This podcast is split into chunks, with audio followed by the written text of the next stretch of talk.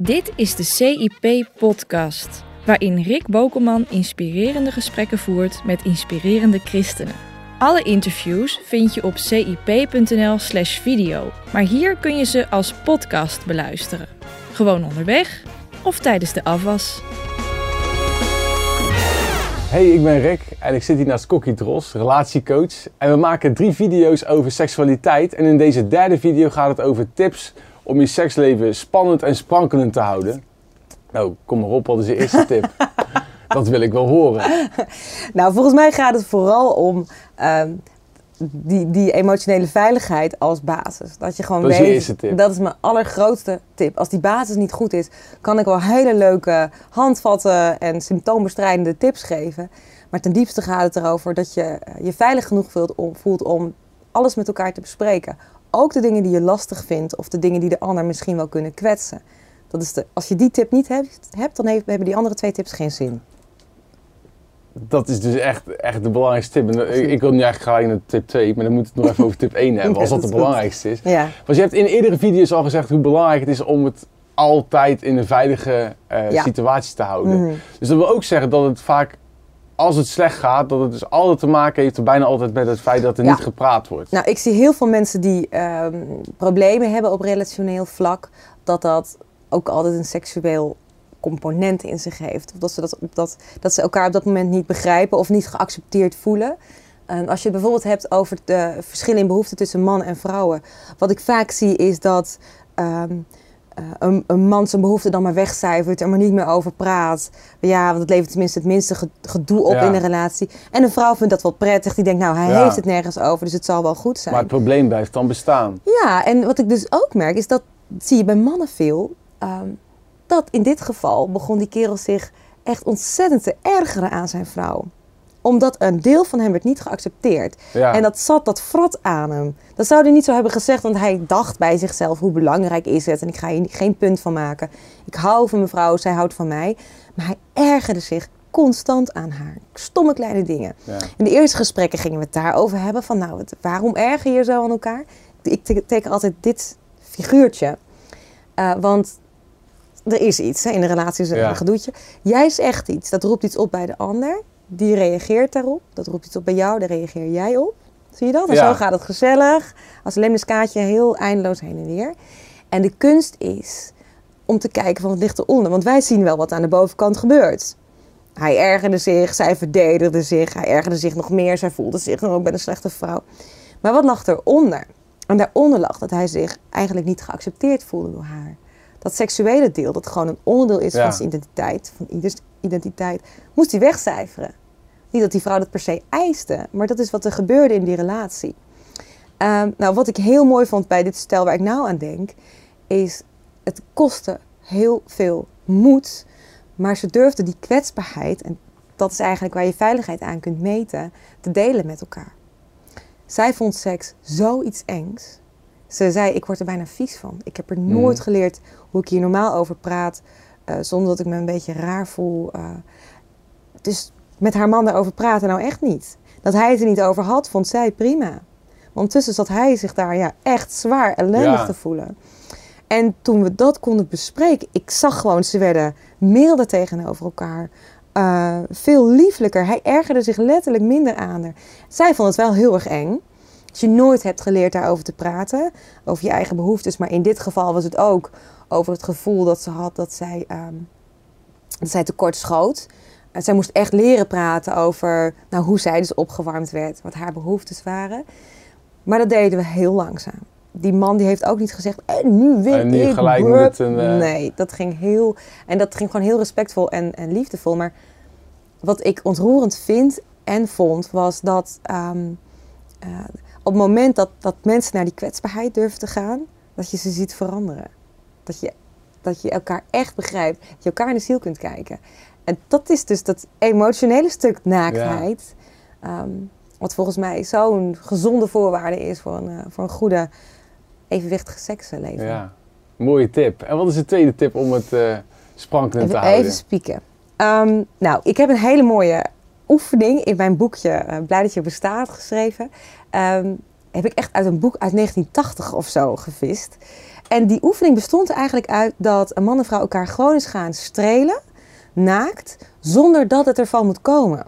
Ja. Wat ik heel veel zie bij stellen is dat eh, seks een aangelegenheid is geworden die zich enkel nog maar afspeelt in de slaapkamer. Ja. En als een man en vrouw ehm, elkaar bijvoorbeeld tongzoenen, dat dat automatisch bij seks Dus hoort. dan moet het gelijk uitmonden in een Ja. vrijpartij. En wat je dus heel vaak ziet, is het patroon dat, ehm, wat ik veel zie, is dat een man streelt zijn vrouw. En dat die vrouw al zich soort van afwendt, van oh, Ja. hij wil meer. Dus als ik hem nu ook terugstreel, dan denkt hij dat het ervan moet komen. En als het dan niet gebeurt, dan is hij misschien chagrijnig. Ook. En dat patroon wat vaak al is ontstaan, Ja. dat, dat zij minder behoefte heeft en hij zich dan maar weer eh, afgewezen voelt en het maar niet meer probeert, speelt daar dus ook een grote rol in. En die stellen geef ik bijna altijd het advies, hou even helemaal resetten. Ga eens voelen hoe het voelt als je gestreeld wordt door elkaar, zonder dat het ervan moet komen. Het echt ervaart, hey, hoe voelt dit lichamelijk contact met mijn geliefde? Maar ook, eh, wat vind je fijn? En de eerste oefening is dan echt dat je eh, de, de, de erogene zones niet aanraakt. Dus echt puur het- welke hardheid van streling vind je prettig? Welke Mhm. plekken vind je fijn? Echt zo weer naar je lijf luisteren. Kunnen ook heel veel mensen niet. Gewoon puur seks is, nou, dan gaat hij weer. We doen ons kunstje wat we altijd doen en klaar. En je vergeet te luisteren naar wat je eigenlijk heel fijn vindt. Leuk hè Rick? Ik Ja, zie nee, helemaal ik, zit, ik zit te denken van, ik zit te denken, hoe ga ik dit mijn vrouw uitleggen? Ja. Maar ja, moet ik dan... Ja, we Leg dat ik boek heb, gewoon open ik op de heb wc. nu een, een en tip dan, eh, gekregen van Cookie en we moeten elkaar nu gaan strelen. Dus ik zat even ja, een soort binnenpretje achter iets. Ja, ik zal het gebeuren. bekennen. Ik zag het gebeuren. Eh, maar deze oefening, en dat is, is, is fijn, eh, werkt zowel voor mannen als vrouwen fijn. Omdat je ook je eigen beleving opnieuw gaat ontdekken. Ja, Want vaak is het al helemaal ergens uitgeschakeld. Dat je niet meer weet wat je nou fijn vindt. En dat is ook een hele leuke ontdekkingsreis. Om gewoon de tijd ervoor te nemen. Van mij part maak je het gewoon romantisch. Dat hoeft echt niet per se. En zeker als je kinderen hebt is dit nog wel een uitdaging om hier een moment voor te vinden. Maar als je echt wil, dan lukt het wel. En de, de tweede fase in die oefening is dat je elkaar ook op de, eh, de wel de erogene zone streelt. Maar nog steeds zonder dat het ervan moet komen. mhm. Het kan bijvoorbeeld betekenen dat een man een erectie krijgt. Dat kan trouwens bij die eerste oefening ook. Maar daar hoef je niets mee. Wat ik vaak hoor is dat vrouwen denken... ja, maar hij heeft een erectie, dus, dus nu moet ik. En dat die man denkt, nee, ik ben gewoon opgewonden Ja. van jouw hele mooie wezen, weet je wel. Ehm, en dat kan mensen ook alweer helemaal op een nieuwe gedachtegang zetten. Van wow, hij vindt mijn seksueel zo aantrekkelijk. Ik ben blijkbaar zo het beminnen waard. Eh, en dat is zo anders dan ik ben goed genoeg om hem aan zijn trek te laten komen of Ja. andersom. En hoe, eh, want dit gebruik je in je praktijk ook. Wat zeggen mensen dan achteraf? Ik laat als het ze stellen dit- wel thuis doen hoor. Het Ja, is nee, niet dat, dat dat mag ik hopen. Ja. Maar wat zeggen ze dan op- nadat ze het zijn gaan doen? De mooiste die ik ooit terugkreeg, ja, het mooiste die ik ooit terugkreeg was... Wij hebben ons hele leven alleen nog maar bij de snackbar gegeten. En we zijn nu voor het eerst zeven gangen uit eten geweest. Dat vond ik zo mooi, hè. Er ging een hele nieuwe wereld voor ze open. En dat stel was 20 jaar getrouwd. Zo. Ja, dat is heel bijzonder. Zo apart ja, dat je dat misschien zonder dat je er erg in hebt, dat je altijd bij de snackbar bent geweest. Precies. Dat je gewoon altijd al in zo'n patroon zit. Van, en dat je allebei denkt, nou, dit is hoe wij het doen en hoe we het fijn vinden. Eh, en volgens mij kun je dit dus doorontwikkelen tot je Een honderdste. Ja, precies. Hey, en wat is eh, de derde tip? Eh, de derde tip, ja, dat is een beetje een speelse tip en het moet bij je passen. Ehm, maar word minnaar en minnares. Eh, dat klinkt heel zoetsappig. ja, ja, dat is het ook. Het ongelooflijk. Ik weet niet wat voor jou is. Hm, misschien wel voor je vrouw. Eh, ja, ik weet nog, mijn man, het was hilarisch. Die stelde mij ooit voor aan een, aan een, een of andere politieke collega. Het was een keurige man. En hij zei, dit is Kokkie, mijn minnares. en die man, oh, wat moet ik nou? En toen zei hij, en mevrouw en de moeder van onze kinderen. En dat vond ik zo grappig, want die man die zat echt van, huh? Ehm, Die schrok zich een hoedje. ja, serieus, want wat vertelt hij nou?